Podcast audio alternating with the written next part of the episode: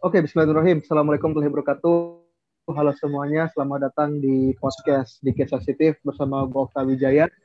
Jadi di episode yang ke-5 atau ke-6 kalau nggak salah di podcast di tahun 2021 ini. Ini kedua kalinya gue bisa bikin podcast bersama dengan orang yang baru banget gue kenal dari TikTok. dengan ID apa biasa dikenal dengan alumni Friendster. Ini namanya Bang Rama Halo Bang, selamat malam. Halo, Okta. Yuk. Ini ngomong-ngomong gimana ceritanya ID TikTok lo bisa jadi alumni Friendster dan kayaknya sih emang udah ke branding kayak gitu dan TikTok lo itu.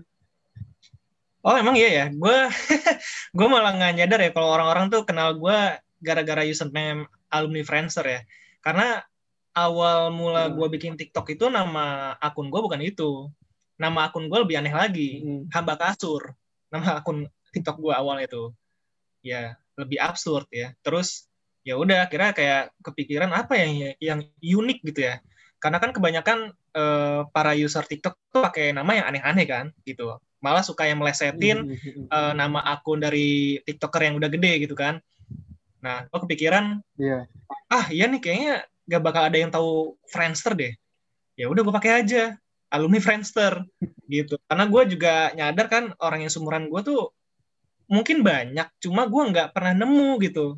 Jadi gue merasa gue nggak punya circle yang sumuran sama gue. Akhirnya gue pakai aja alumni Friendster gitu. Kalau misalkan ada yang sumuran sama gue, nggak gitu ya, Friendster gitu. Nah bisa gue ajak ngobrol gitu, jadi circle gitu. gue malah tahu Friendster ya, tapi nggak pernah make itu udah lama banget.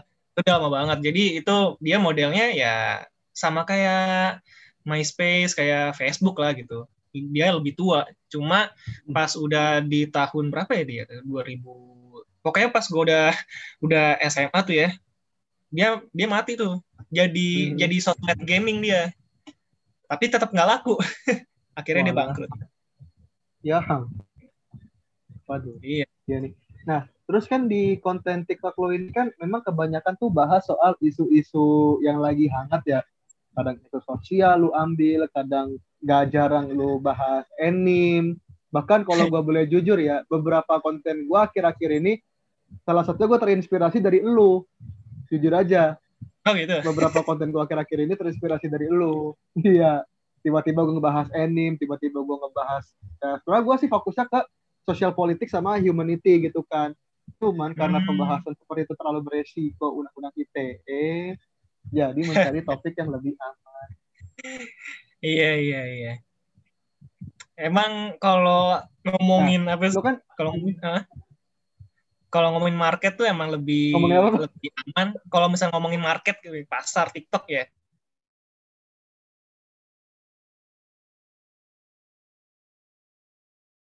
Kan ya selesai sama bocil-bocil aja. Enim paling aman kan? Ya aman itu. Makanya udahlah main di ranah-ranah yang nggak terlalu berbahaya dalam karir kehidupan betul betul. Nah nah ini btw kita ngebahas tentang sesuatu yang kemarin ini lagi rame banget nih. Tapi kita nggak bakal ngebahas siapa orangnya tapi pasti semua orang sadar siapa pelakunya. Yeah. tentang uh, yang, yang pertama mungkin yang kita bahas soal Aceh ya karena kan Aceh ini uh, sekarang ini kan lagi panas banget nih soal Aceh ya. Ada yang konten kreatornya yang emang nyebelin ada yang juga jadi tanggapan orang-orang di luar Aceh yang memang gak kalah nyebelin juga. Bahkan terakhir yang sehingga memancing keributan warga TikTok terutama ya karena kan ini belum ada konten di-upload di Instagram ya. Karena gue percaya bang selama konten TikTok tidak di-upload di Instagram itu konten masih aman gue selalu percaya yeah. kayak gitu. Iya yeah, iya yeah, benar-benar sama konten TikTok belum diri upload ke Instagram itu masih aman. Kecuali kalau emang udah di upload ke Instagram itu udah bahaya banget sih. Nah tapi untungnya baru warga TikTok doang nih yang paham gitu. Nah, terkait dengan masalah yang kemarin ngomongnya, yang ngakunya open minded, paling edgy, paling toler, paling toleransi dan segala macam, Bagaimana dari kacamata lu nih Bang selaku ya memang sering kali mengomentari isu-isu sosial seperti ini? Iya, iya begini sih. Soal soal open mind itu gue rasa ya sesuatu yang bias gitu, yang bias, yang abu-abu menurut gue. Gak ada orang yang benar-benar open minded, gue rasa. Gak ada. Karena ya lu punya pemikiran sendiri, gue punya pemikiran sendiri. Terus kita diskusi, kita saling lempar argumen, saling lempar informasi yang kita punya gitu. Tapi kalau misalkan lu udah punya informasi yang lu yakinin gitu, walaupun gue udah ngasih argumen semantap mungkin gitu, kan belum tentu lu bakal setuju sama gue dan lu belum tentu mengiyakan gue gitu tapi ada konsep yang di mana hmm. ya lu harus bisa menghargai pendapat orang gitu at least ya lu menerima dengan cara tidak langsung menolak bener gak gitu makanya menurut gue ya hmm. konsep atau definisi open minded tuh kayak ya tergantung lu gimana nanggepinnya gitu justru malah gue lebih masuknya yeah. ke toleransi toleransi dalam menyampaikan argumen dan menerima argumen gitu. Makanya itu lebih tepat menurut gue ya kata toleransi dalam berdiskusi ketimbang open minded karena gue yakin nggak ada orang yang open minded 100% nggak ada gitu sih. Lalu uh, yang ingin gue tanyakan kalau selanjutnya adalah gini sih bang, apakah sekarang ini orang-orang menggunakan istilah open minded itu lebih cenderung untuk mempertahankan dengan cara defensif seperti mempertahankan argumentasi atau mungkin juga uh, ibaratnya itu seperti aku yang paling benar. Apakah begitu konsepnya bagaimana? Iya itu mah itu mah kerjaan orang-orang yang apa ya? Biasanya kayak gitu tuh anak-anak gue yakin. Mohon maaf ya, bocil-bocil biasanya kayak gitu ya. Karena um, orang-orang yang mungkin sumuran malu gitu atau yang sumuran sama gue gitu, gue yakin mereka tuh punya argumen gitu ya. Ketika orang yang punya argumen dia nggak bakal nggak bakal apa ya istilahnya nge ngetrol kayak gitu gitu loh ya. Lu nggak punya argumen terus lu langsung bilang bang jago bang jago gitu. Ya ini gue open minded ya dasar lu open minded gitu. hmm, hmm, hmm. sebagai defensif atau berdalih gitu ya. Ya tapi gue yakin kalau kebanyakan orang-orang yang emang udah punya argumen gitu ya yang mateng pola pikirnya ya nggak bakal ngomong kayak gitu itu mah cuma orang-orang antara orang-orang bocil gitu ya atau yang emang caper aja udah atau dia nggak punya nggak punya argumen lagi gitu. itu udah biasa di sosmed. Nah, lalu bagaimana tanggapan lo tentang isu kemarin, Bang? Karena uh, ini by the way yang ingin, yang ingin kita bahas adalah bukan ke persona atau ke individu si pelakunya, tapi bagaimana cara dia bereaksi terhadap sebuah isu yang sebetulnya itu sebuah isu lama, lalu naik kembali, hangat kembali, lalu kemudian juga terprovokasi sehingga terjadilah uh, permasalahan seperti ini? Gimana tuh bang? Anggapnya? Um, kalau emang dia merasa open minded gitu dengan dia uh, berani mengkritik um, otonomi daerahnya Aceh, ya it's okay gitu menurut gua. Cuma ya ketika dia mendapatkan reaksi negatif pak dari para netizen, ya itulah konsekuensinya gitu. Ya pasti lu main sosmed selalu ada konsekuensi gitu mau lu bikin konten yang sepositif mungkin tetap aja ada netizen yang nggak suka ya nggak kayak gitu apalagi lu hmm. bikin konten yang sebenarnya lu tuh berusaha menyampaikan kritik tapi tidak ada isi opini di dalamnya ya terus lu ditambah dengan mengapa e, menyantumkan kata-kata yang sangat-sangat ofensif gitu kan disgusting gimana orang gak sebel gitu gimana orang gak emosi dengan um, konten dia gitu jadi kalau emang niatnya untuk mengkritik gitu ya, ya lu harus isi konten lu dengan argumen gitu. Bukan dengan kata-kata ofensif kayak disgusting. Jadi kalau misalkan ya dia merasa emang open minded gitu ya, ya harusnya pertama dia harus bisa mempertimbangkan konten apa konten dia tuh mau dibuat kayak gimana. Dan dia juga harus mempertimbangkan gimana nih reaksi netizen nantinya kalau misalkan gue up konten ini? Gitu. Sehingga ya nantinya kalau misalkan emang dia udah merasa bikin konten yang emang apa ya jauh dari kata-kata yang ofensif gitu atau jauh dari um, apa energi-energi negatif di kontennya gitu. Ya harusnya dia bisa lebih menerima apa ya reaksi netizen gitu. Karena ya ada aksi ada reaksi gitu loh. Ya lu bikin konten yang positif harusnya netizen ngasih tanggapan yang positif bener gak gitu. Jadi ngerti nggak maksud gue jadi Nah, jadi mas gue lebih ke arah yang iya lu uh, open minded tapi tapi lu harus juga bisa uh, tahu gitu konsekuensinya gimana gitu. dan jangan sampai lu cuma malah membuat apa ya keresahan doang. Itu loh sebenarnya. Gitu menurut gue ya open open minded kalau misalnya dia benar-benar open minded loh ya. Jadi tapi kan sekarang masalahnya pas kemarin itu ya yang gue lihat ya yang gue lihat ya dia tetap makanya kan tadi gue bilang di awal ya nggak ada orang yang 100% open minded sebenarnya. Karena dari awal dia udah udah kekeh sama pendiriannya dia dia udah kekeh sama prinsipnya dia dia udah dia udah kekeh sama kritikannya dia jadi ketika ada netizen yang nyerang dia ada netizen yang uh, ngajak debat dia apakah dia langsung bisa setuju dan menerima? Enggak kan? Gitu. Dan dia tetap aja nggak kayak nggak apa ya, dia hmm, gimana gimana? Sorry gue potong. Berarti bisa dibilang uh, konsepsi dari si open minded ini sebetulnya adalah kalau gua ngomong, gua perlu tanggung jawab ketika lu ngajak gua diskusi, oke okay, gua terima, tapi gua tetap berpegang teguh kepada apa yang gua percaya itu termasuk open minded atau memang dia defensif aja kalau kayak begitu. Ya makanya tadi makanya kan tadi gue bilang ya kan, nggak makanya dalam dalam hal hmm. apa pun ya gue tuh nggak pernah percaya sama yang namanya open minded gitu loh, karena karena ya seop apa ya so open opennya lu. Lu tetap bakal berpegang teguh dengan apa yang lu percaya di awal. Sebelum lu sebelum lu menerima uh, reaksi sebelum lu menerima argumen dari orang lain gitu. Makanya um, gue nggak bisa bilang dia uh, eh, gue nggak bisa bilang dia close minded gitu. Gue juga nggak bisa bilang dia open minded karena emang dari awal gue nggak percaya dengan konsep uh, open minded gitu. Nggak ada orang yang 100% open minded gitu. Masalahnya di sini ya gue lebih concern ke masalah ya gimana cara dia menanggapi reaksi netizen kayak gitu. Kalau misalkan mm-hmm. karena ini berhubungan sama konsekuensi dia, konsekuensi kontennya dia, ngerti nggak sih? Jadi uh, baik lagi ya kawal. Ya. Mungkin ini agak, agak sedikit muter-muter. Kalau misalkan lu menganggap gini ya, kalau misalkan lu menganggap bahwa iya si si apa si orang yang ngomongin konten Aceh kemarin tuh dia menerima semua hujatan netizen, dia menerima semua uh, debatan netizen gitu. Dan lu bilang itu open minded ya it's okay. Emang itu emang open gitu. Dia masih bisa menerima gitu. Walaupun ya, walaupun dalam diri dia dia belum tentu setuju sama argumen kalian. Hmm. Belum tentu dia merasa legowo dengan hujatan netizen. Kalau misalnya kayak gitu apakah masih bisa dibilang open minded? Nah, gitu aja kalau dari gue. ya, itu dia Iya sih, iya sih. Bener sih, bener sih.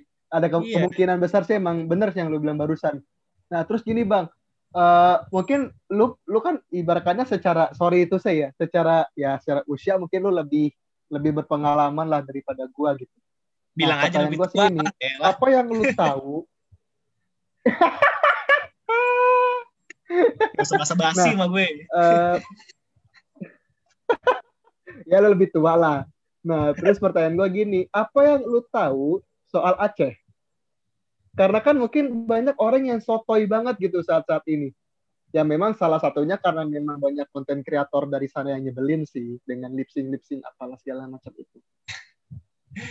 Kalau misalnya lu tanya apa yang gue tahu soal Aceh ya, gue tahu gue tahu mie Acehnya doang deh.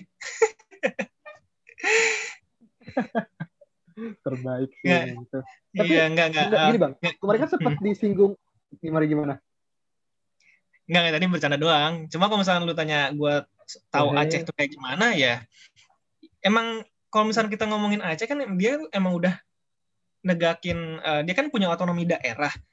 Itu bahkan dia dilindungi hmm. oleh dua konstitusi. Ya, gue lupa. Itu peraturan pemerintah tahun 99 sama tahun 2001 apa 2002 ya, gue lupa.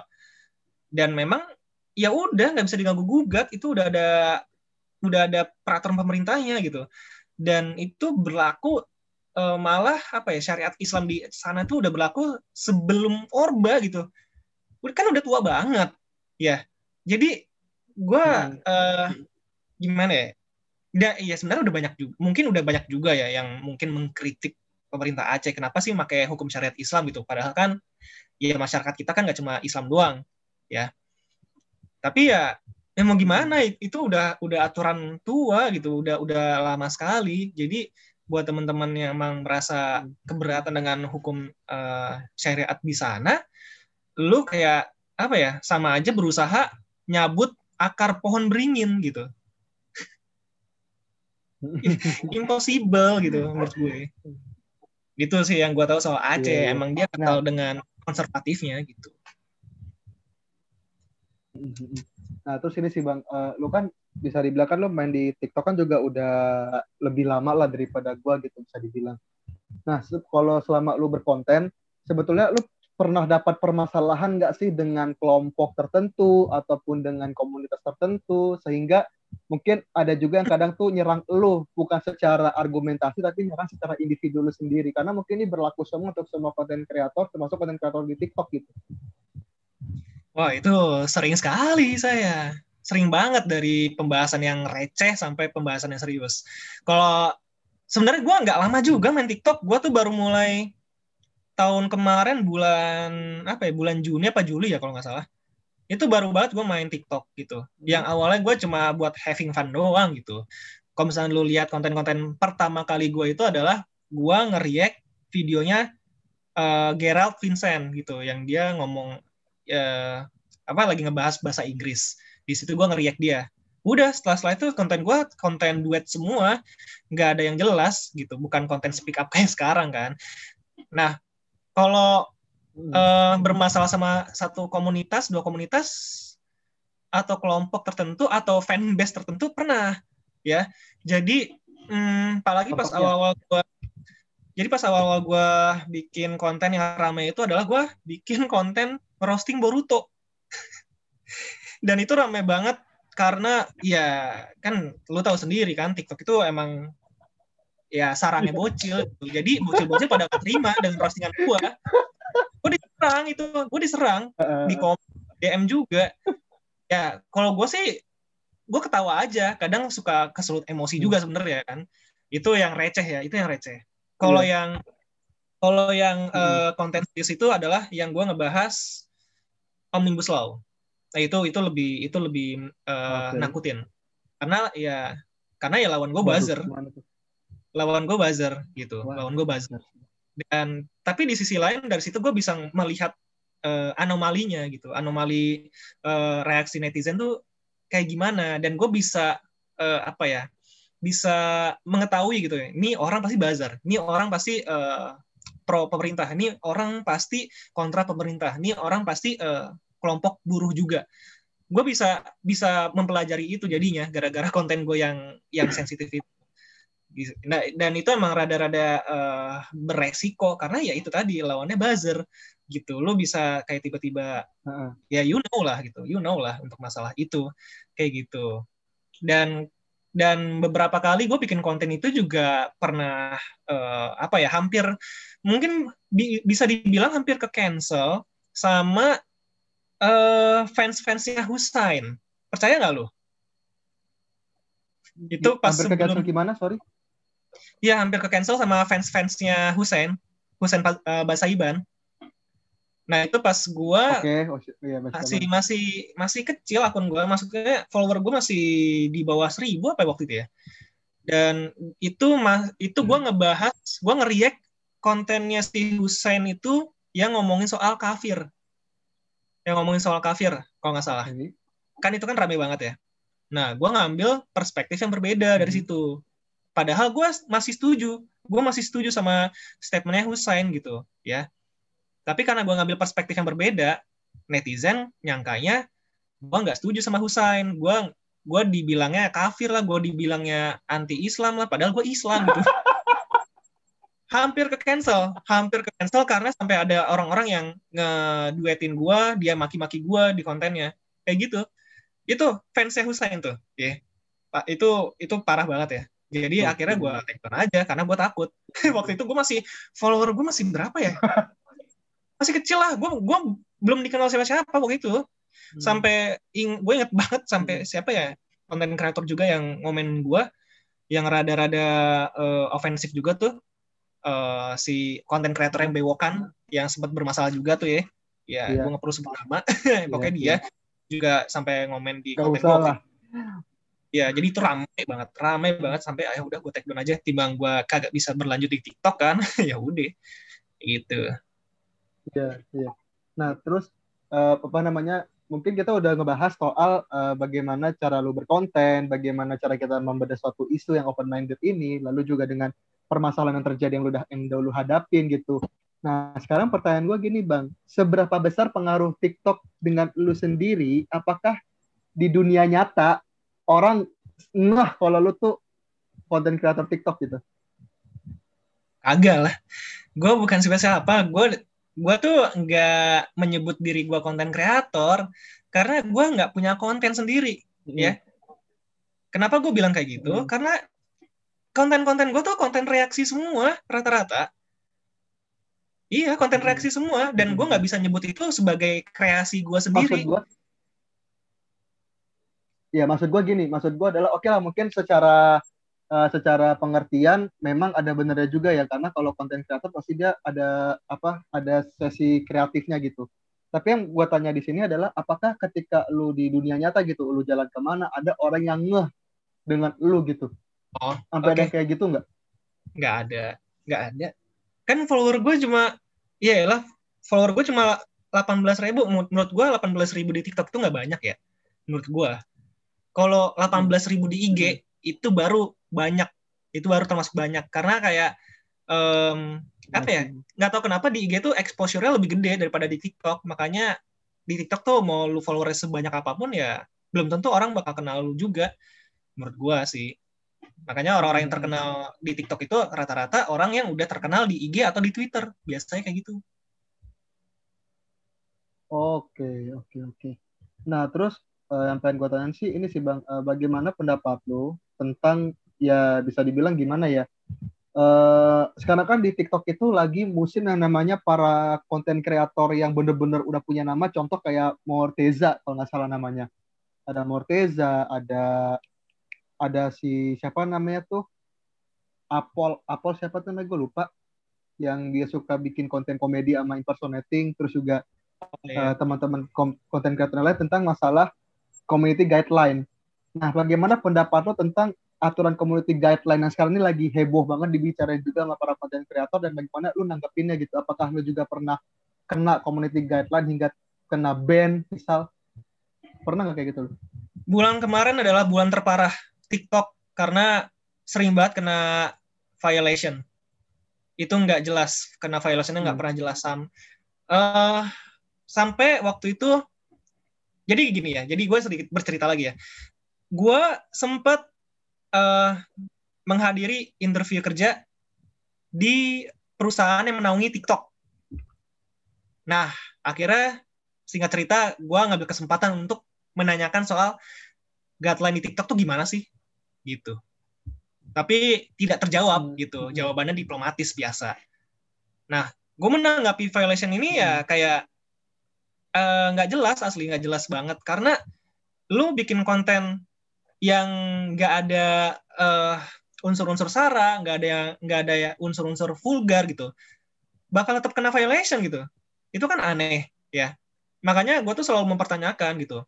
TikTok itu dia monitoring guideline itu melalui apa dan siapa yang monitoring? Apakah bot atau orang atau mungkin keduanya gitu? Karena enggak, karena apa ya? Kadang violation yang emang diberlakukan eh, uh, itu make sense tapi kebanyakan nggak make sense gitu loh menurut gue kayak konten gue apa ya di tag tuh yang paling nggak make sense itu adalah konten bubur diaduk kan aneh di violation apa gitu loh. Kenapa violation gitu? Itu kan itu kan rada rada ini ya nyebelin gitu ya. Makanya makanya gue tuh suka makanya gue tuh bikin akun kedua gitu ya untuk backupan. Kalau sewaktu-waktu gue kena violation terus terus akun gue kebikin beneran gitu. Itu bulan kemarin tuh paling parah ya hmm. bulan kemarin paling parah. Bulan ini eh, kena violation alhamdulillah belum eh pernah sekali gitu tapi paling parah bulan kemarin nggak tahu kenapa. Jadi gue menanggapinnya kayak ya itu kena violation gitu. Ya gimana agak gimana gimana soalnya gue juga sempat apa sempat tertarik dengan pembahasannya si Bang Morteza sih sama Bang ini yang apa yang kopi-kopi itu mafia Bangladesh.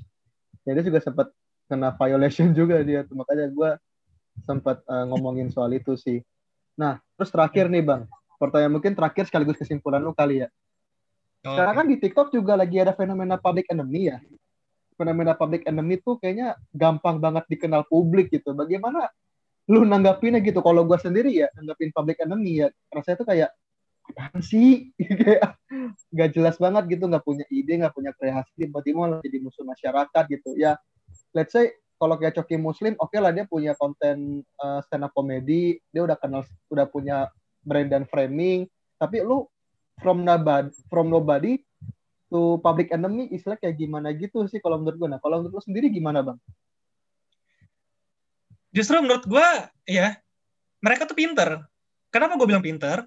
Mereka tahu market, tahu pasar, ya. Orang-orang di TikTok, ya, mau di mana pun berada, pasti seneng sama yang namanya konten drama. Iya nggak? Dan mereka tahu itu. Makanya cara paling mudah untuk membuat drama adalah menjadi public enemy, ya, menjadi orang yang suka ngetrol. That's it. Dengan lu bikin drama, views lu banyak, exposure lu gede, ya. Kalau misalkan uh, suatu brand itu nggak melihat lu kenapa gitu ya, kenapa bisa gede, ya udah lu dapat endorsan mereka tahu market mereka pinter gitu ya itu dari dari sisi gue melihat uh, cara mereka berkonten yang menurut gue mereka pinter. Ya kalau misalnya mereka nggak begitu views mereka nggak banyak kan. Mungkin kayak gue aja gitu viewsnya segitu gitu aja. Nah tapi kalau misalnya dari sisi kita sebagai netizen menanggapi hal tersebut gimana? Ya udah kalau emang lu tahu dia itu suka ngetrol gitu ya. Kalau misalnya lu tahu konten dia adalah konten sampah ya konten yang bikin sebel lu doang ya udah lewatin aja lewatin nggak perlu diomongin nggak perlu diduetin nggak perlu di stitch kalau perlu ya diblok aja gitu. Mm-hmm. kalau gue sih sesimpel itu gitu loh.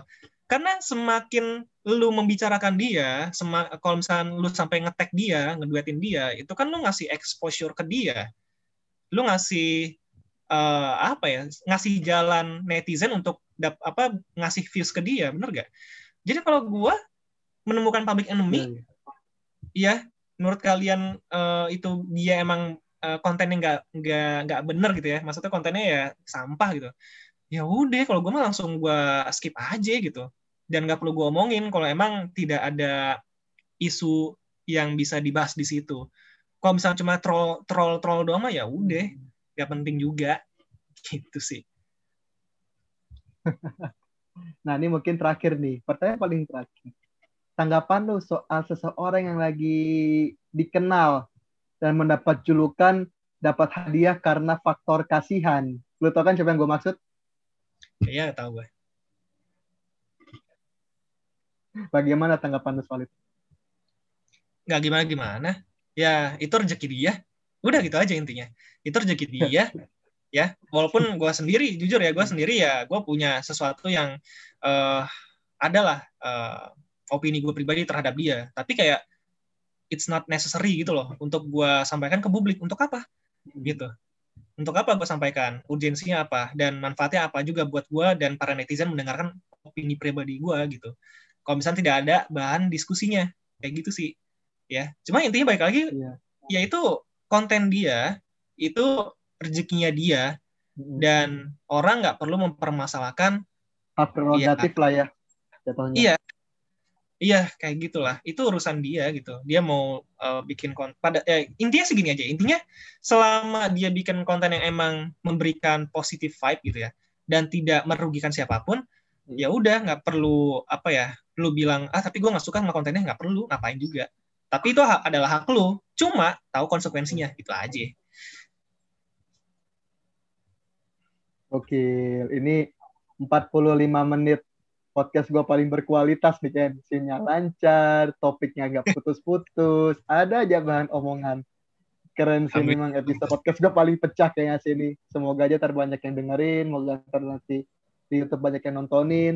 Dan uh, Bang Rahmat, thank you banget udah ngasih waktu lu buat uh, buat gue di podcast ini dan sorry banget kalau misalnya ada pertanyaan yang mungkin ada salah-salah kata gue yang mungkin kurang serak di benak lu ya gue juga uh, dan juga mungkin buat teman-teman di luar sana uh, by the way ini gue juga pengen disclaimer akhir aja bahwasannya adalah kita bahas pada kali ini mengenai tentang studi kasus kita mempelajari kasus yang kemarin sama Kebo tidak menyinggung si yang bersangkutan, tapi memang kita membedah dari uh, versi kepala kita masing-masing aja kayak gitu. Lalu juga kita juga membedah uh, sebenarnya di TikTok nih community guideline ataupun uh, algoritma itu kayak gimana dan yang terakhir dan yang terakhir adalah bagaimana kita menanggapi konten kreator yang memposisikan diri sebagai public enemy.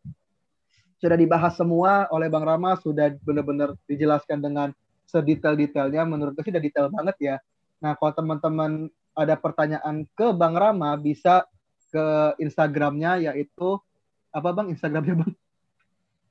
Uh, Instagram gue uh, Mr. Mikara. Pokoknya cari aja deh sendiri deh. Kalau nggak cantumin gimana kek? gue malas nyebutnya. Rada susah. Siap, ntar gue cantumin. Siap, nanti gue cantumin. Oke, Bang Rama, thank you banget buat waktu dan kesempatannya. Dan teman-teman, terima kasih. Jangan lupa untuk